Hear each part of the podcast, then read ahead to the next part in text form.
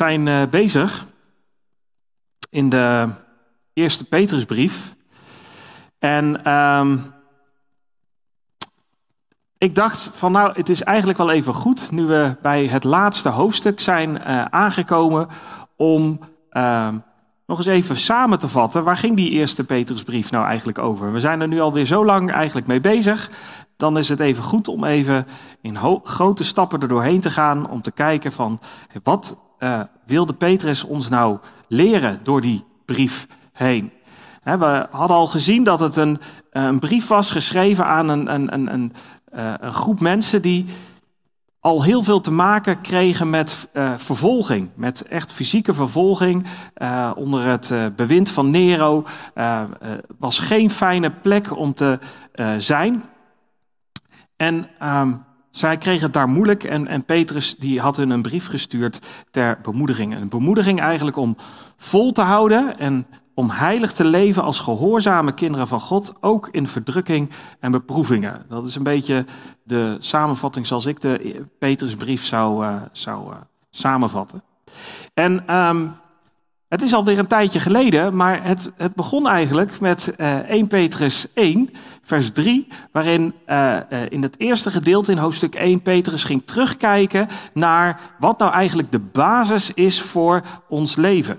Voor, en, um, en daar noemde hij die ons overeenkomstig zijn grote barmhartigheid opnieuw geboren deed worden tot een levende hoop. We hebben het niet verdiend, maar God heeft zijn armen uitgestrekt naar ons, zijn handen uitgestrekt naar ons en, en ons opnieuw geboren laten worden. Um, um, en dat, vonden we, hè, dat vinden we ook terug in, zoals Romeinen 3 dat omschrijft.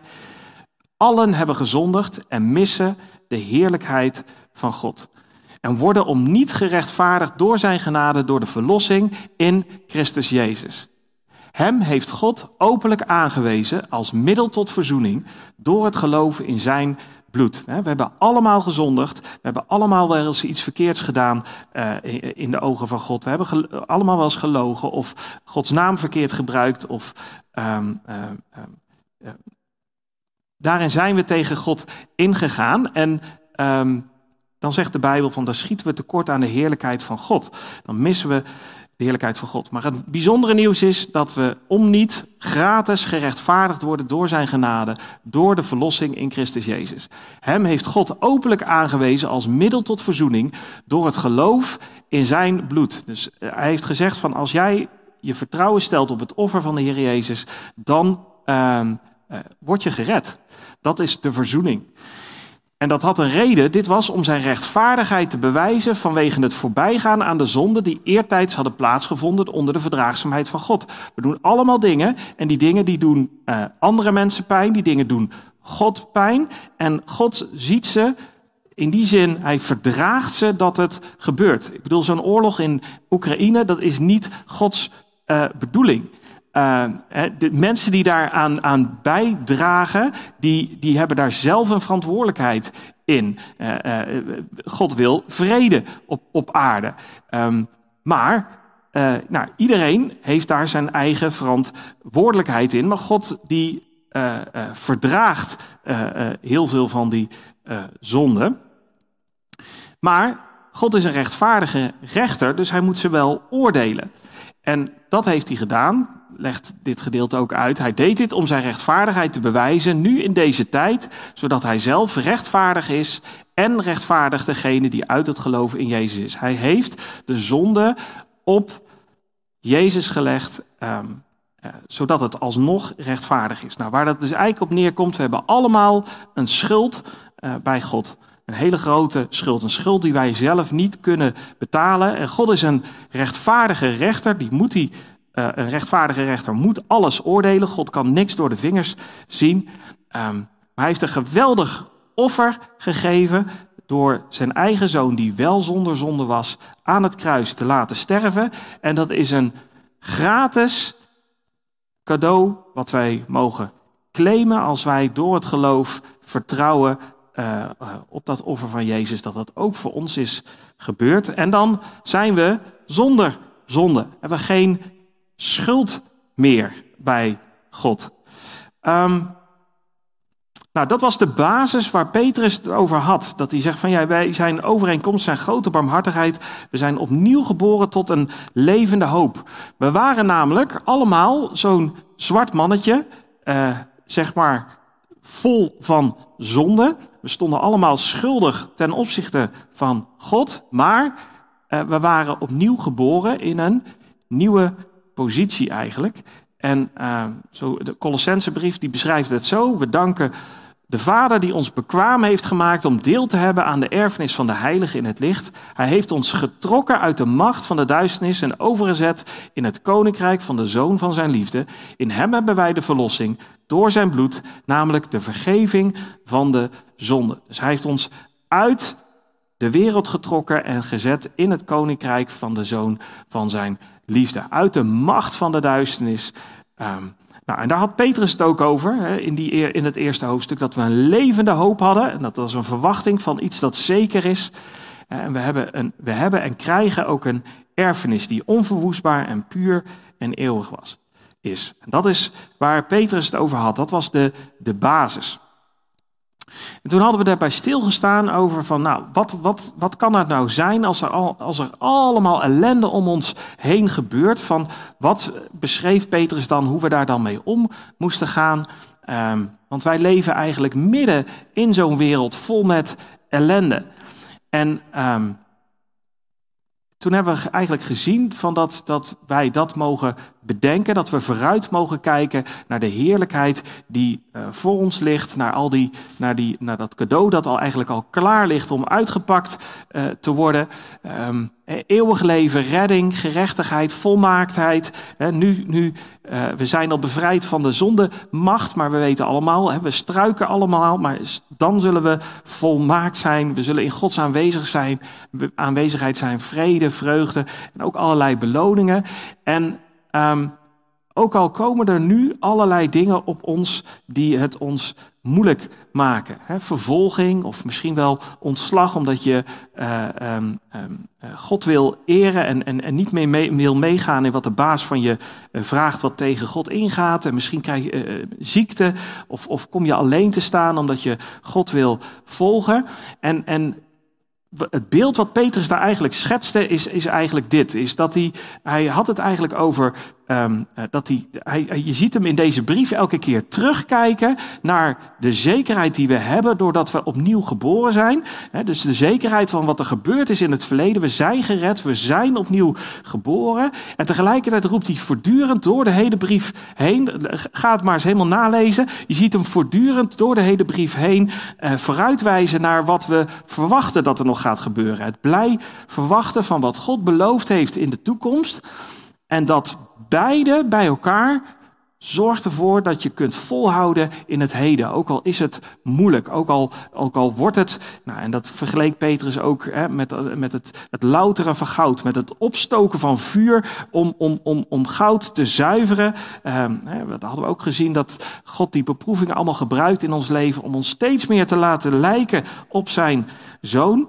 Um, maar dat is moeilijk, maar elke keer zag je Petrus teruggrijpen op van weet wat er met je gebeurd is toen je tot geloof kwam en kijk uit naar datgene wat God belooft uh, in de toekomst en dan kun je vol blijven houden in het, um, in het heden. En toen had hij ook geschreven van dat we ons, dat we uh, heilig moesten leven, eigenlijk op alle vlakken in ons leven. En daar zie je de hele Petrusbrief over gaan. we hadden gezien in 1 Petrus 1 dat hij zei van wees, dat God had gezegd, wees heilig, want ik ben heilig. De lat ligt, ligt, ligt daar bij God. Niet, niet, we hadden gezien van de lat, die kunnen wij zelf wel een beetje zo en zo zetten, maar, maar God zegt echt, wees heilig, want ik ben heilig. En we weten, dat kunnen we nooit uit onszelf doen. Daar hebben wij God bij nodig. Um, God die ons van binnenuit, door die, doordat we opnieuw geboren zijn, vanuit de Heilige Geest, ons aan het vormen is van binnenuit. Um, en dan hadden we gezien dat Petrus uh, uh, beschreven had, van dat we bijvoorbeeld aan alle menselijke orde ons moeten onderwerpen. Dat zagen we in uh, hoofdstuk 2 terug. bijvoorbeeld aan de overheid. Een simpel voorbeeldje is van als je een rood stoplicht ziet, dan heeft de overheid heeft gezegd, dan moet je voor stoppen en als het groen is, mag je oversteken. Als je dat niet doet, dan ben je ongehoorzaam aan de overheid, maar dan ben je ook ongehoorzaam aan God, want God heeft gezegd dat we ons moeten onderwerpen aan de overheid. Ehm, maar bijvoorbeeld ook op school. Je leraar is ook, een, uh, door, door, uh, is ook onderdeel van de menselijke orde die is ingesteld. En die moet je ook eren en gehoorzamen. Um,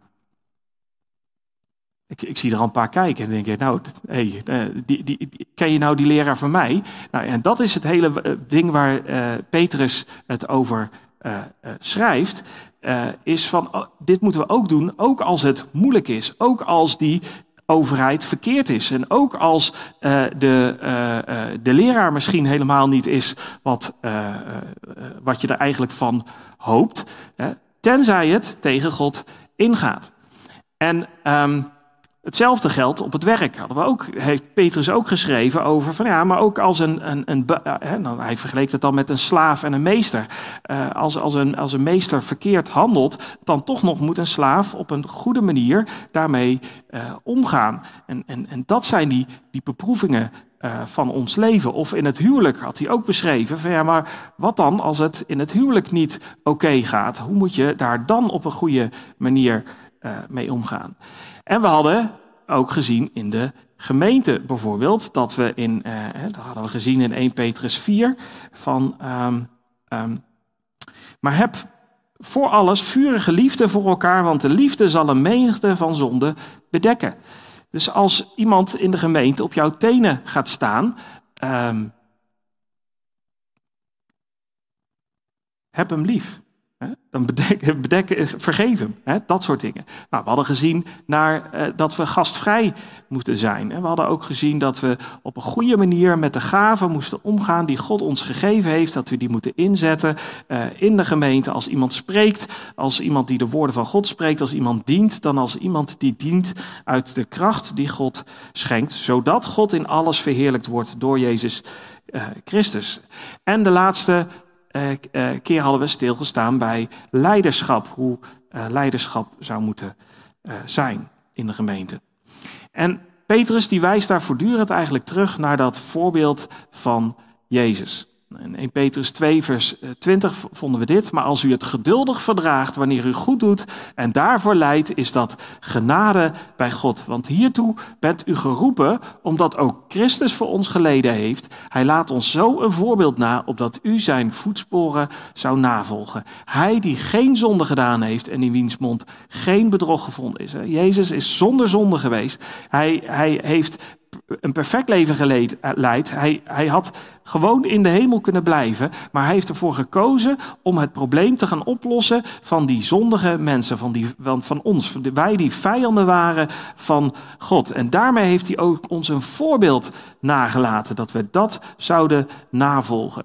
Uh, en dan ja, eigenlijk is de, de, de, wat, wat Petrus daar dan eigenlijk een beetje impliceert is van ja, maar Jezus was zonder zonde en wij, wij, wij zijn nog, nog steeds eigenlijk een beetje beperkt hè, door, uh, door onze zonde. Maar kan je nagaan als Jezus die zonder zonde was, al zijn hele leven overgaf voor anderen, hoezeer zouden wij dat dan niet moeten doen? Die toen hij uitgescholden werd, niet terugschold. En toen hij leed, niet dreigde, maar het overgaf aan hem die rechtvaardig oordeelt kijken naar Jezus. En dan met als uitgangspunt weer beseffend dat we gestorven zijn. In 1 Petrus 2, vers 24 noemt hij het zo. Die zelf onze zonde in zijn lichaam gedragen heeft op het hout aan het kruis, opdat wij voor de zonde dood, voor de gerechtigheid zouden leven. Dat is ons uitgangspunt. We zijn eigenlijk, op het moment dat je tot geloof bent gekomen, ben jij eigenlijk gestorven want u was als dwalende schapen, maar u bent nu bekeerd tot de herder en opziener van uw zielen.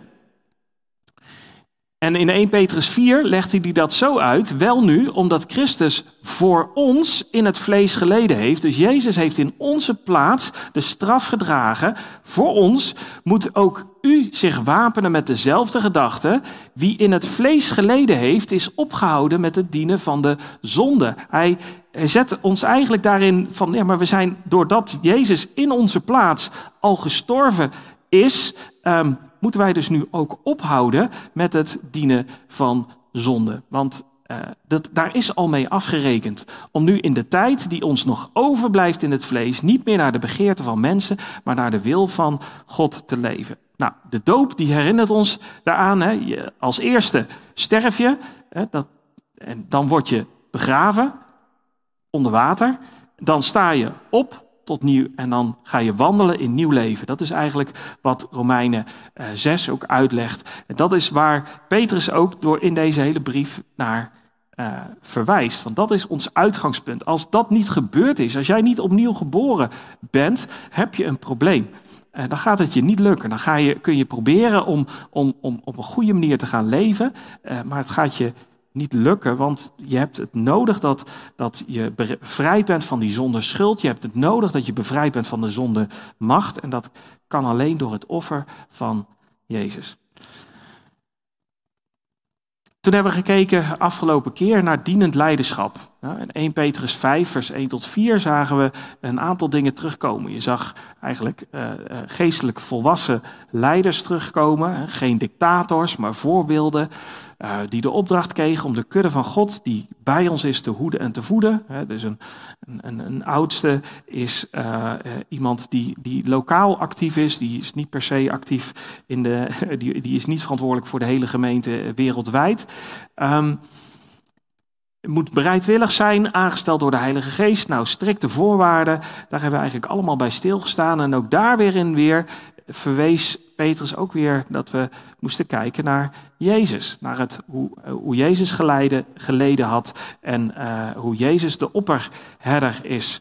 En uh, daar moesten we ook rekening mee houden dat ook die leiders de wolven buiten de deur moeten houden. Um, nou, waarom vat ik dat nou allemaal samen? Want nu komen we uit bij 1 Petrus 5, vers 5. En daar staat een heel interessant woordje. Pak de, pak de Bijbel er maar eens bij. Um, ik, ik weet niet of jullie dat ook wel doen, maar ik, ik hou ervan om uh, uh, eigenlijk voortdurend aantekeningen in mijn Bijbel te maken. Om mij te helpen om elke keer de Bijbel beter te begrijpen. En uh, bij sommige woordjes, die, die ik dan, onderstreep ik dan, die omcirkel ik dan. Um, uh, en soms zet ik er zelfs een pijltje naar van let op, hè, want de vertalers hebben er allemaal kopjes tussen gezet en, en dat soort dingen. Terwijl ja, de, Petrus het gewoon als één brief heeft geschreven. Um, en dan, zet ik er wel eens een pijltje bij van, van hey, let op, dit gaat ergens over. Want hij zegt hier in 1 Petrus 5, vers 5, Evenzo, jongeren, wees aan de ouderen onderdanig. Um, evenzo, zo'n woordje is heel belangrijk. Um, dat verwijst terug naar het gedeelte wat we vorige week hadden behandeld. Uh, hoe, hoe, uh, hoe de oudsten uh, moesten dienen, hoe ze moesten dienen naar het voorbeeld van Jezus. En op eenzelfde manier moeten de jongeren aan de ouderen onderdanig zijn. En, en ik, ik, snap dat HSV ervoor gekozen heeft om op zich hier nu ouderen te vertalen. Maar heel veel vertalingen die kiezen ervoor om hier gewoon te vertalen als oudsten. Wat eigenlijk veel in die zin uh, best wel logisch is, omdat het heel erg terugverwijst naar het vorige gedeelte waar het over ging, over hoe de oudsten leiderschap moeten geven. En dan verwijst hij ernaar van ja, maar bij dat leiderschap uh, dat moet dienen en dat, dat tot voorbeeld moet zijn, hoort er ook bij dat mensen wel gewoon luisteren. Hè? En dat zie je bijvoorbeeld ook terugkomen dat in Hebreeën 13 vers 17, gehoorzaam uw voorgangers, wees hun want zij waken over uw zielen, omdat zij rekenschap moeten afleggen, opdat zij dat mogen doen met vreugde en niet al, niet al zuchtend, dat heeft immers voor u geen nut. En, en, en daar verwijst Petrus hier naar. Evenzo jongeren, wees aan de, nou ja, in ieder geval aan de ouderlingen onderdanig. Maar uh, op zich is het een goed principe om, om überhaupt volgens mij ook aan de ouderen onderdanig te zijn. Dat zie je ook in, de, in het uh, Oude Testament heel erg drukkelijk terugkomen. Zelfs eigenlijk op zo'n manier dat uh, onder de wet van Mozes sommige, dat jongeren volgens mij moesten gaan staan zelfs voor, uh, uh, voor als er een oudere kwam. Dus je moest echt eerbied tonen. Dus dat was, was nogal wat. Um, maar dat heeft volgens mij wel te maken dus met het vorige, waar we dus ook vorige week bij stil hebben gestaan. Um, want ik weet niet hoe het uh, met jullie is, maar uh, ja, ik, ik weet nog wel een beetje toen ik jong was. Toen dacht ik de hele wereld aan te kunnen. En ik dacht van met dat beetje kennis dat ik wel had van de Bijbel, dacht ik van nou, ik, in de pocket. Uh, ik weet het wel. En um, dan heb je heel erg de neiging, dan heb je, loop je enorm het risico om dat ook eventjes te gaan uh, regelen bij anderen. En volgens mij waarschuwt Petrus hier daarvoor. Nee, evenzo jongeren, wees aan de ouderen onderdanig. En dus niet op deze manier, uh, al roepend, je zit daarnaast. of, of dingen zoals, ik heb het nog niet onderzocht, maar ik heb wel al een mening en die zal jij weten ook. Misschien zul je dat niet zo zeggen, maar er zijn mensen die, die, uh, die, die hebben al een hele sterke mening over iets waar ze nog helemaal niks over onderzocht hebben. En dat uh, terwijl een, een, een oudste bijvoorbeeld dat bijvoorbeeld wel heeft uitgezocht. En dan is, als jij dan jouw mening gaat lopen verkondigen, is dat niet onderdanig zijn op die manier. Um, of bijvoorbeeld, ik ga mijn mening met allerlei mensen delen, onder het mom van zorg delen. Van ja, dat moet toch ook kunnen. Maar eigenlijk ben ik gewoon medestanders aan het verzamelen. Dat is niet uh, uh, onderdanig zijn, dat is gewoon een verkeerde houding. Um, en uh, nou, dat zorgt voor, bij oudsten wel voor verdriet en, en, en zuchten, helaas. Um, maar Petrus roept hierop: wees aan de ouderen onderdanig, maar hij gaat ook verder. En wees allen elkaar onderdanig. Wees met nederigheid bekleed, want God keert zich tegen de hoogmoedige, maar de nederige geeft hij genade. Wees met nederigheid bekleed, als een soort van mantel die we aan moeten trekken, waarvan we eh, eigenlijk voortdurend uitstralen, wij zijn nederig. Eh, en dat dat dus niet spelen, maar daadwerkelijk zijn. En dat heeft eigenlijk een beetje te maken. Ik, ik, ik, ik probeer het een beetje. Uh, ik heb even over zijn na zitten denken. Hoe kan ik dat nou eigenlijk duidelijk maken? Wat, wat, wat daarmee te maken heeft. Is we zijn eigenlijk allemaal zijn we gelijk. We, we zijn allemaal zondaars. Uh, en en de, de Heer Jezus is voor ons allemaal aan het kruis gestorven. De, de, geen is er meer dan de ander. Um, maar op het moment dat jij die ander wel eens even gaat vertellen wat er aan de hand is, in een discussie of over een ding, dan loop je het risico om dus, zeg maar, een soort van trappetje te gaan staan en jezelf te verhogen ten opzichte van die ander. Dus um, je komt op iemand anders toe en jij zegt, jij zit ernaast. Het zit zo en zo en zo. Of je hebt allerlei mensen al betrokken in jouw mening. Dan ben jij jezelf eigenlijk al aan het verplaatsen boven die ander. En dat is heel lastig om daarvan te herstellen als je er bijvoorbeeld zelf dan ongelijk hebt. want je hebt jezelf eigenlijk al een beetje opgepompt. Je hebt jezelf al neergezet als zijnde van... nou, jongen, jongen, jij zit ernaast. Ik heb gelijk. Daarmee heb je eigenlijk ben je een trappetje opgeklommen.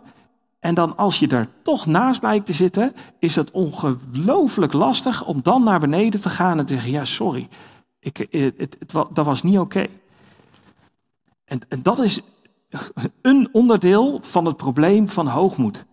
Daar kom je heel moeilijk van terug, want je, je hebt je al ingegraven en dan ga je niet eens meer luisteren naar die argumenten van die ander, want je hebt, jij had tenslotte toch gelijk. Maar let op de waarschuwing die hier staat. Dit is echt een tekst die, die belangrijk is om uit je hoofd te leren. Um, wees met nederigheid bekleed, want God keert zich tegen de hoogmoedigen. Maar de nederige geeft de genade. Je hebt God tegen je. Als jij in de gemeente of thuis, of waar je ook bent, jezelf gaat verhogen ten opzichte van die ander, heb je niet alleen een probleem met die ander, je hebt een probleem met God. En dat is levensgevaarlijk. Daar wil je geen problemen mee hebben met God. En dat zag je terugkomen. Ik bedoel, als je het leven van Saul en van David bestudeert, is, is, is geweldig om te doen.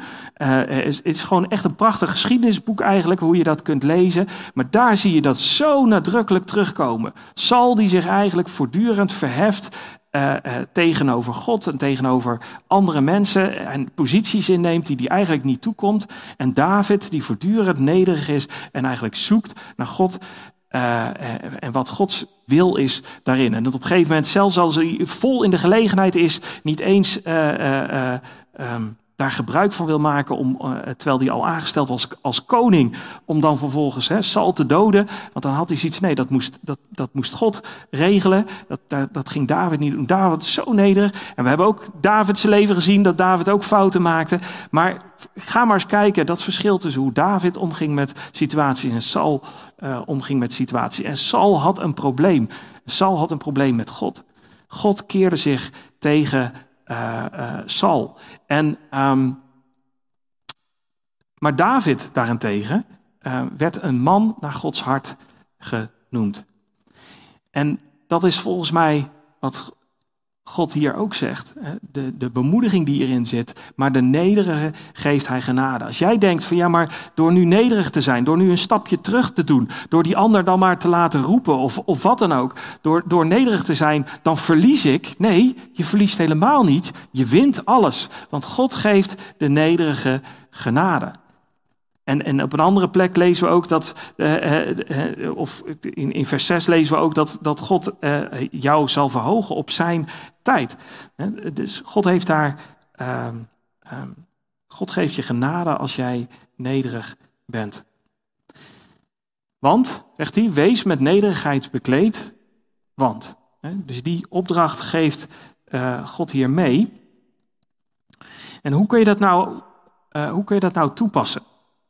Nou, ik denk dat, dat, dat um, laten we het er weer eens over hebben, over dat je het uh, ergens niet mee eens bent met iemand anders. Jij, jij vindt dat, um, uh, misschien wel over de Bijbel. Uh, jij vindt dat die ander de Bijbel verkeerd uitlegt. Um, hoe jij naar die ander toe gaat, is, is van levensbelang. dus ga bijvoorbeeld ervan uit dat je ernaast kunt zitten. Ja, maar. Uh, ja, dat is gewoon een onderdeel van die nederigheid. Dus dat je denkt, ja, ik, ik zou daarnaast kunnen zitten, uh, maar ik wil de waarheid zoeken. Of wat dacht je van gewoon een welgemeend excuus voor iets waarvan je zelf vond dat je niks fout deed? Ik, wel eens meegemaakt. Dat, dat, dat zeg maar iemand op iemands teen gaat staan en dan geen sorry zeggen. Ja, ik deed toch niks fout? Ah, dat deed toch niet expres? Nee, dat klopt, je deed het niet expres. Maar dat je, het feit dat je dat dus niet erg vond, dat jij op die teen van die ander stond, dat is wel zorgwekkend. Want daarmee verhef je jezelf boven die ander. Jou, jij had die pijn niet en het was kennelijk niet interessant genoeg dat die ander wel pijn had. Dus uh, gewoon op een gegeven moment een excuus bieden voor iets wat er gebeurd is. Iemand anders die vertelt tegen jou, ja, ik, jij, jij en jij hebt dit gedaan en dat, dat, dat deed mij verdriet. En dan gewoon zeggen, ja, sorry, dat was niet mijn bedoeling.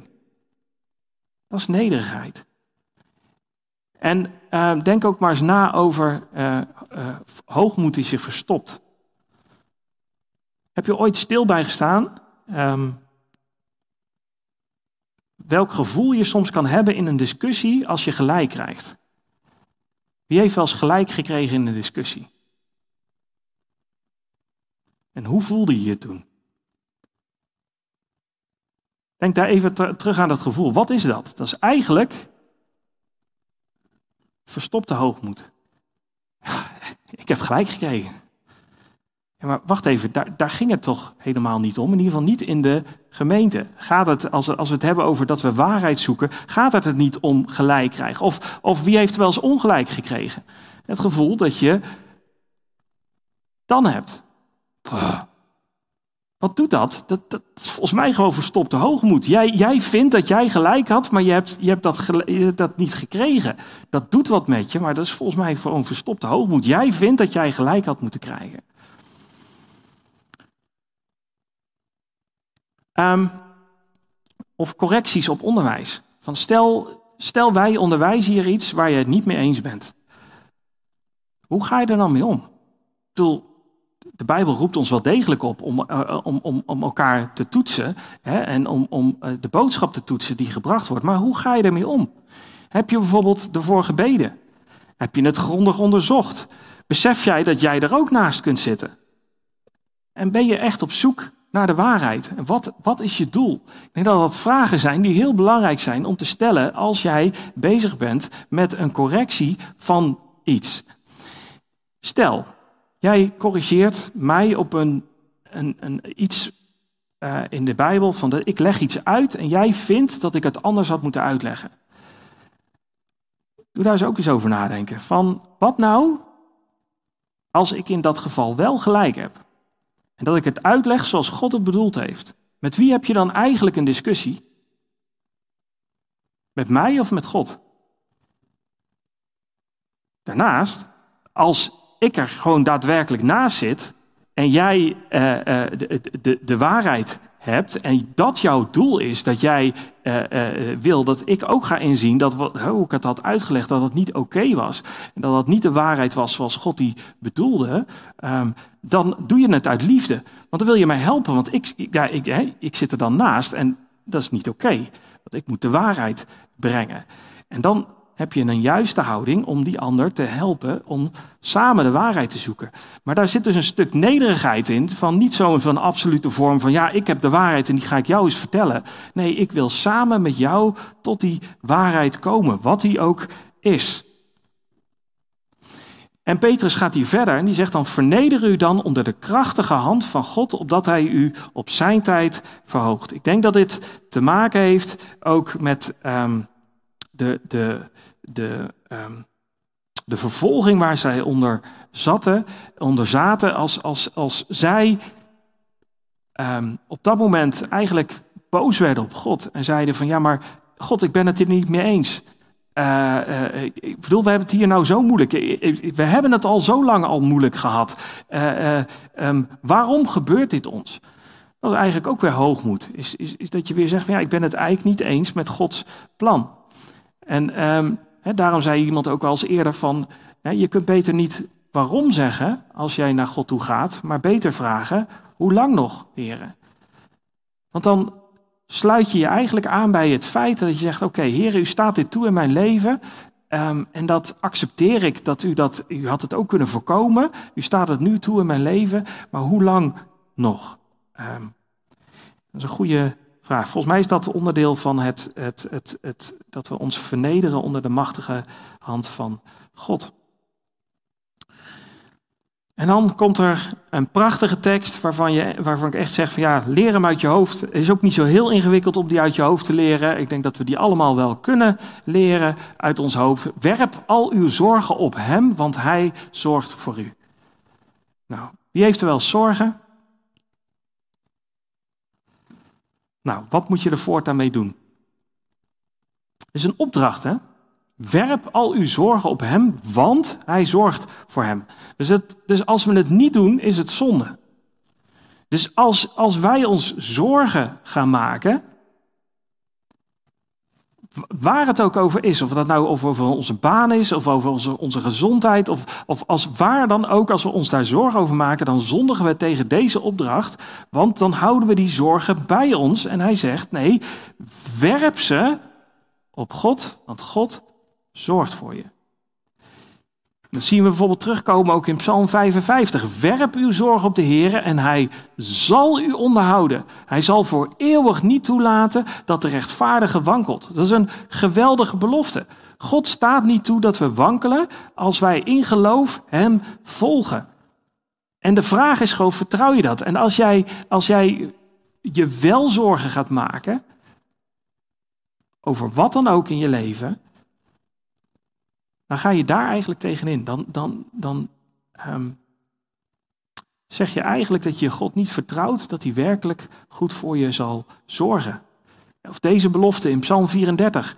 De rechtvaardige heeft veel ellende, maar uit dat alles redt de Heer hem. Zo'n sterke belofte. De ene belofte is dat we veel ellende zullen kennen, Want God gebruikt beproevingen, weten we nog. Dat waren we mee bezig in de eerste Petrusbrief. God geeft veel beproevingen op ons. Um, maar God heeft ook de belofte uit alles redt de Heer hem. En daarom moeten we die zorgen op God werpen. Bij Hem neerleggen. En dat is geen ontkenning van problemen. Want ik vind het ook zo mooi hoe hij het hier noemt. Is werp al uw zorgen op Hem. Als ik een probleem heb, als ik mijn baan verlies, dan heb ik wel degelijk een probleem. Ik heb allerlei uh, klachten aan mijn gezondheid. Die problemen, die zijn er gewoon.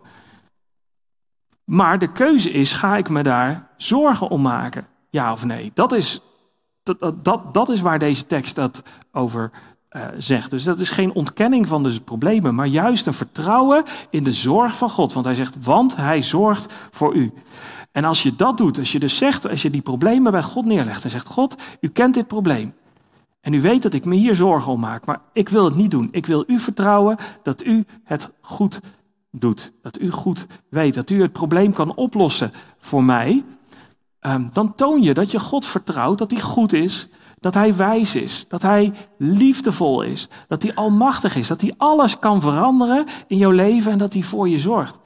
Wat er ook gebeurt in mijn leven, wat er ook gebeurt in jouw leven, God heeft de macht om het uh, uh, gewoon met een, nou ja, hij hoeft niet eens zijn vingers te knippen om het te fixen. En de vraag is, vertrouw je God daarin? En vertrouw je dus ook God dat als God dat niet doet, dat hij daar een plan mee heeft? Dat hij jou wil gaan laten lijken op zijn zoon. Dat is waar de hele Petrusbrief eigenlijk op gaat. Dat al die dingen die op ons afkomen, dat we dat accepteren, dat, dat, dat God dat gebruikt om ons steeds meer op Jezus te laten lijken. En wat we dus dan moeten doen met die zorg, elke keer als we denken van, oh, nou ben ik me zorg aan het maken over mijn huwelijk, of, of over mijn baan, of over mijn gezondheid, of, of, of, of waar dan ook over, moeten we zeggen, nee Heer, alsjeblieft, hier hebt u het. Gewoon in gebed naar God toe gaan en het uitleggen bij God. Wees in geen ding bezorgd, maar laat uw verlangens in alles door bidden en smeken met dankzegging bekend worden bij God. God wil dat. God wist al lang van jouw problemen, want God kent ons leven. Kijk eens naar het voorbeeld wat Hanna had in 1 Samuel 1. Ze kreeg geen kinderen, ze kon geen kinderen krijgen. Um, en dan staat er, bitter van gemoed bad zij tot de Heere en zij huilde erg. Dat was haar zorgen bij God brengen.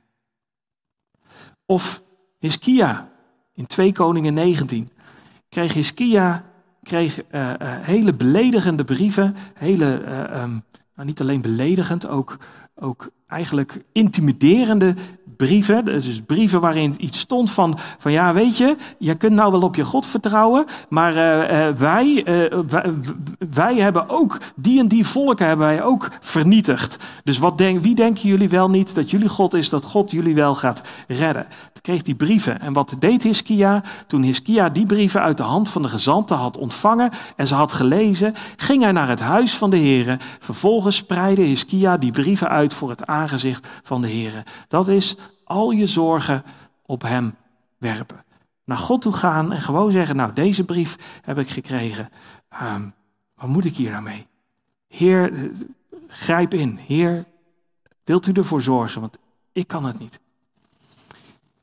Maar je ziet ook een voorbeeld van iemand die bleef rondlopen met zijn eigen rugzak, zijn eigen zorgen. Was een voorbeeld van een koning Asa. Die werd in het 39ste jaar van zijn regering ziek aan zijn voeten. We weten niet precies wat, maar zijn ziekte was heel ernstig. 2 Kronieken 16.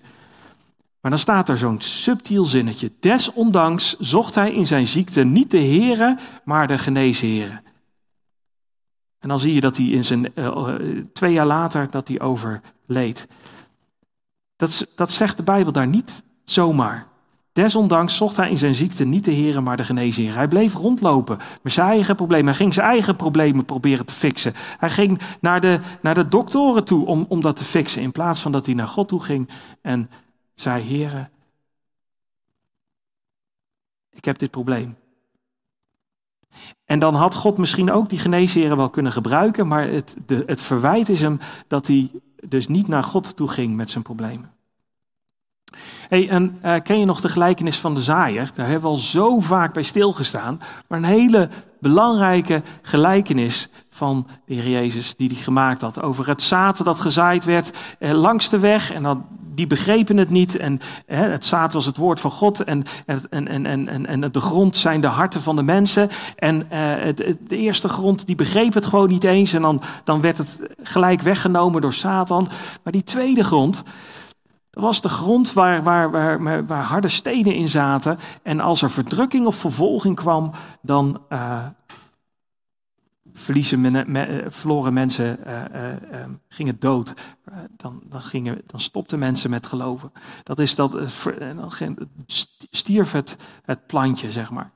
En de, de, derde grond, schrijft Jezus, dat heeft de, de, de grond, daar, daar wordt het, het, het, zaadje verstikt door zorgen, door rijkdom en door genietingen van het leven.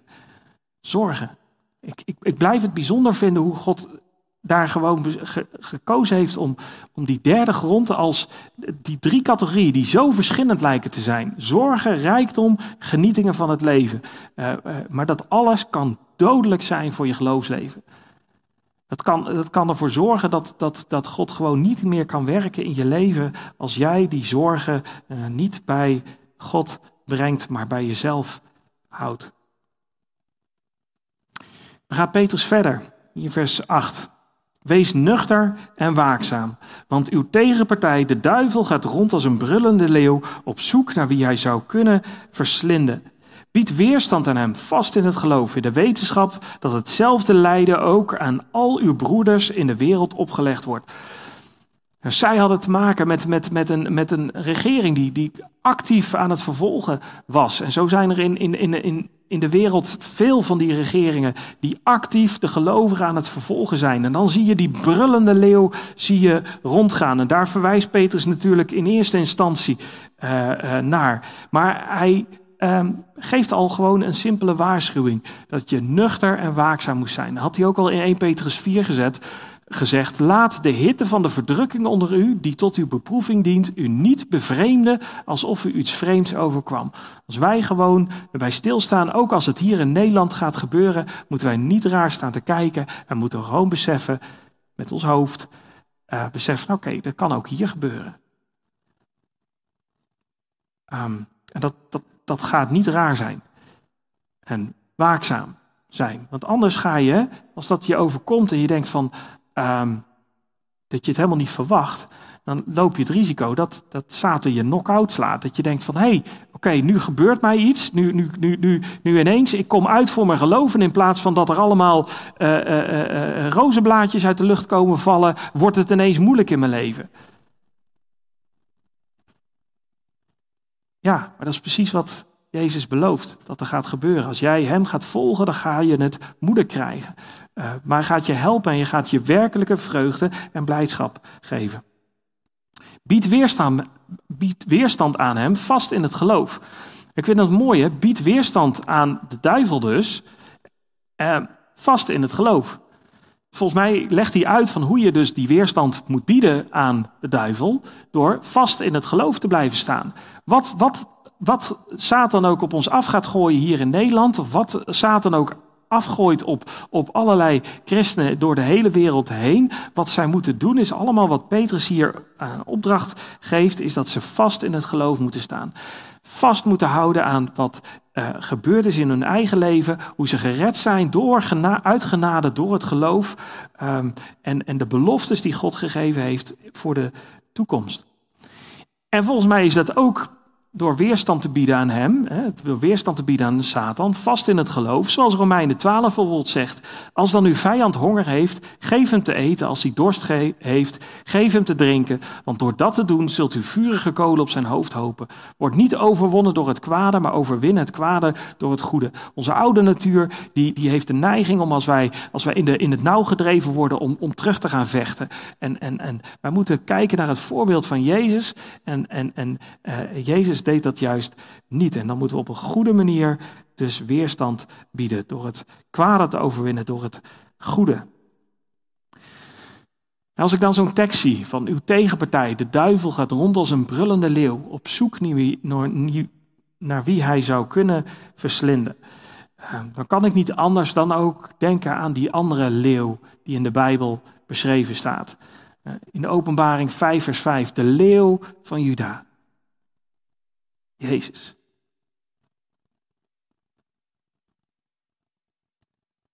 Lieve kinderen, u bent uit God en u hebt hen overwonnen. Want hij die in u is, is groter dan hij die in de wereld is. Dat mogen we weten. Wat er ook op ons afkomt. Wat voor problemen er ook op ons afkomen. Werp al uw zorg op Hem, want Hij zorgt voor u. Hij die in ons is, is groter dan die in de wereld is. is ook al doet hij zich voor als een brullende leeuw. Wij hoeven daar niet bang voor te zijn, want God zorgt voor ons. God is de schepper van hemel en aarde. Hij heeft alles aan zijn, in zijn hand. Er overkomt ons niets dat buiten hem omgaat. En dan sluit Petrus, gaat verder in de brief en dan sluit hij eigenlijk de brief af. De God nu van alle genade, die ons geroepen heeft tot zijn eeuwige heerlijkheid in Christus Jezus. Hij zelf mogen u, na een korte tijd van lijden, toerusten, bevestigen, versterken en funderen. Hem zij de heerlijkheid en de kracht in alle eeuwigheid. Amen. Ook hier zie je weer terugkomen dat Petrus terugkijkt op wat er gebeurd is in het verleden, die ons geroepen heeft tot zijn eeuwige heerlijkheid in Christus Jezus. Daar kijkt hij alweer vooruit naar de toekomst. En dan zegt hij van, en, en dan mag je nu volhouden in het heden. En, en, en kennelijk moesten de, de mensen daar uh, uh, een korte tijd lijden. Um, en ik weet niet of, dat nou, of, of hij dat bedoeld heeft als zijnde dat het echt een, een, een, uh, een, een dat het over een paar jaar voor hun uh, uh, makkelijker zou worden. Of, of dat hij eigenlijk vooruitwijst naar het feit dat überhaupt het leven hier op de eeuwigheid eigenlijk maar een hele, hele, hele korte tijd is, als je er goed over nadenkt. Dat als ik na, nadenk over die mensen in Noord-Korea, die al die jaren nu al uh, vervolgd worden en verdrukt worden, voor, ook tegen hun zegt Petrus van nog een, een korte tijd um, van lijden. Um, maar dan zal hij ons herstellen, bevestigen, versterken en funderen. In, in, in de HSV is het verteld met, vertaald met toerusten, maar heel veel andere vertalingen vertalen het met herstellen. En dat vind ik eigenlijk wel een hele uh, bijzondere ja, iets van als jij eigenlijk um, uh, het heel erg moeilijk hebt gehad en eigenlijk je leven bijna misschien wel in puin ligt, dan heb je het nodig dat God je ook weer herstelt. Um, en weer bevestigd en versterkt en fundeert. En waar ik aan moest denken was, was dit apparaat. Ik weet niet of jullie dat apparaat wel eens uh, gezien hebben. Zo'n trilplaat die, die, die over de grond heen gaat.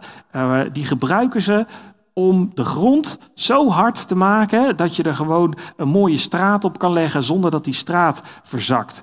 Nou, volgens mij, ja, daar moest ik gewoon aan denken toen ik, eh, toen ik dacht, uh, toen, toen ik de Petersbrief las over al die beproevingen en, en toen hij het hier had over het funderen. Um, uh, volgens mij gebruikt God al die beproevingen in ons leven en dat schudt ons door elkaar heen. Uh, uh, maar het zorgt ervoor uiteindelijk dat ons fundament alleen maar sterker wordt. Um, als we tenminste in geloof doen we ook wat God van ons vraagt, dat we het ook echt werkelijk allemaal bij Hem neerleggen. Um, zoals God ons zegt. En dan zegt hij met de hulp van Silvanus, die voor u, naar ik meen, een trouwe broeder is, heb ik met weinig woorden geschreven. Dus hij gebruikt iemand om die brief te schrijven. U aangespoord en betuigd dat dit de ware genade van God is waarin u staat. U groet de mede-uitverkoren gemeente die in Babylon is. Nou, Babylon gebruikt hij waarschijnlijk als codewoord voor Rome. Um, maar ook ja, als je naar de Babylon kijkt, in het, uh, door de Bijbel heen staat het gewoon voor de, de, de, de goddeloosheid. Voor, uh, nou, lees het boek Openbaring maar. Daar zijn we uitgebreid doorheen gegaan. Um, en Marcus, mijn zoon, groet elkaar met een kus van de liefde. Vrede zij u allen die in Christus Jezus bent. Amen.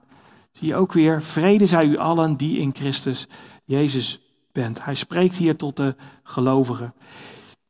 Maar Ik heb deze eventjes vet gedrukt. U aangespoord en betuigd dat dit de ware genade van God is waarin u spreekt. Er wordt de ware genade en dat is geen goedkope genade. Hij is wel gratis, maar hij is niet goedkoop. Het heeft Jezus alles gekost. Hij had in, in, in 1 Petrus 1 hadden we gezien dat we vrijgekocht zijn met het kostbaar bloed van Christus als van een smetteloos en onbevlekt lam. En helaas zijn er zoveel kerken waar, waar eigenlijk goedkope genade verkocht wordt.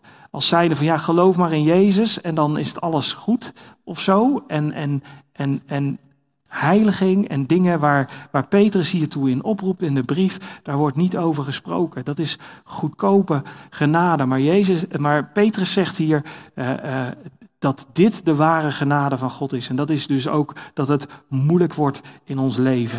Um, maar hij wees eigenlijk ook weer terug naar um, uh, u die in Christus Jezus bent. Dat mag de basis zijn van ons leven. Dat we beseffen, we hebben allemaal gezondigd. En God is een rechtvaardige rechter. Um, um, maar hij heeft het geweldige offer gegeven door het bloed van zijn zoon Jezus, die zonder zonde aan het kruis is gestorven in onze plaats. Dat we gratis mogen claimen um, door het geloof. En dan mogen we schuldvrij zijn.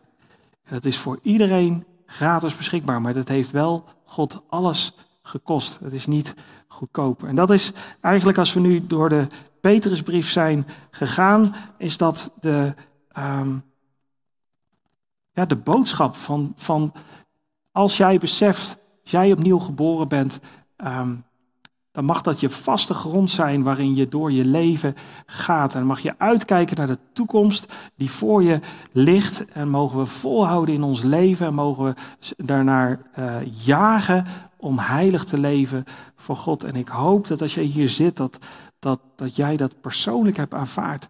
Dat offer van Jezus.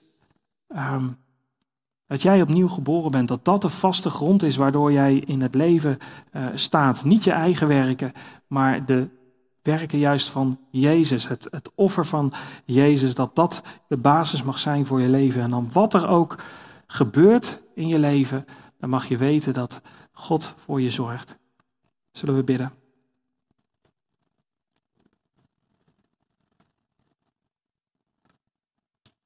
Vader in de hemel. Heere God, dank u wel. Dank u wel voor wie u bent. Dank u wel voor uw liefde voor ons. Dank u wel dat u zo genadig bent geweest. Dat wij, dat u voor ons gestorven bent. Heer Jezus. Dat u uw leven heeft gegeven voor ons. Terwijl wij het niet verdienden. Toen wij nog vijanden van u waren, heeft u uw leven voor ons gegeven. En we prijzen uw naam daarvoor. En Heer, ik wil u bidden hier voor iedereen die hier zit, dat dat iets is wat ze persoonlijk aanvaard mogen hebben. Dat ze persoonlijk naar u zijn gegaan, Heer, om, om dat offer te aanvaarden voor hun leven. Dat ze een verlangen mogen hebben, Heer, om voor u te leven, om heilig te leven, om, om, om steeds meer op uw Zoon, de Heer Jezus, te gaan lijken. Heer, om een vast vertrouwen te hebben in U, omdat U zo goed voor ons zorgt. Ook als het moeilijk wordt. En ik bid U voor iedereen hier die moeite heeft op zijn werk of op school of met zijn gezondheid. Heer, dat ze U mogen vertrouwen dat U goed bent, dat U liefdevol bent, dat U in staat bent om alles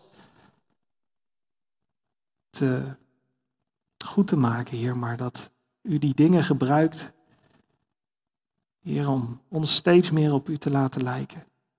En ik bid u dat dat mag doordringen in onze harten van ons allemaal. En dat de volgende keer dat we moeite hebben, of pijn, of verdriet, of zorgen, dat we naar u toe zullen gaan, Heer, en bij u zullen neerleggen in alles. En u zullen vertrouwen. Want u komt toe, al die, alle eer, heerlijkheid, Heer, tot in eeuwigheid. Amen.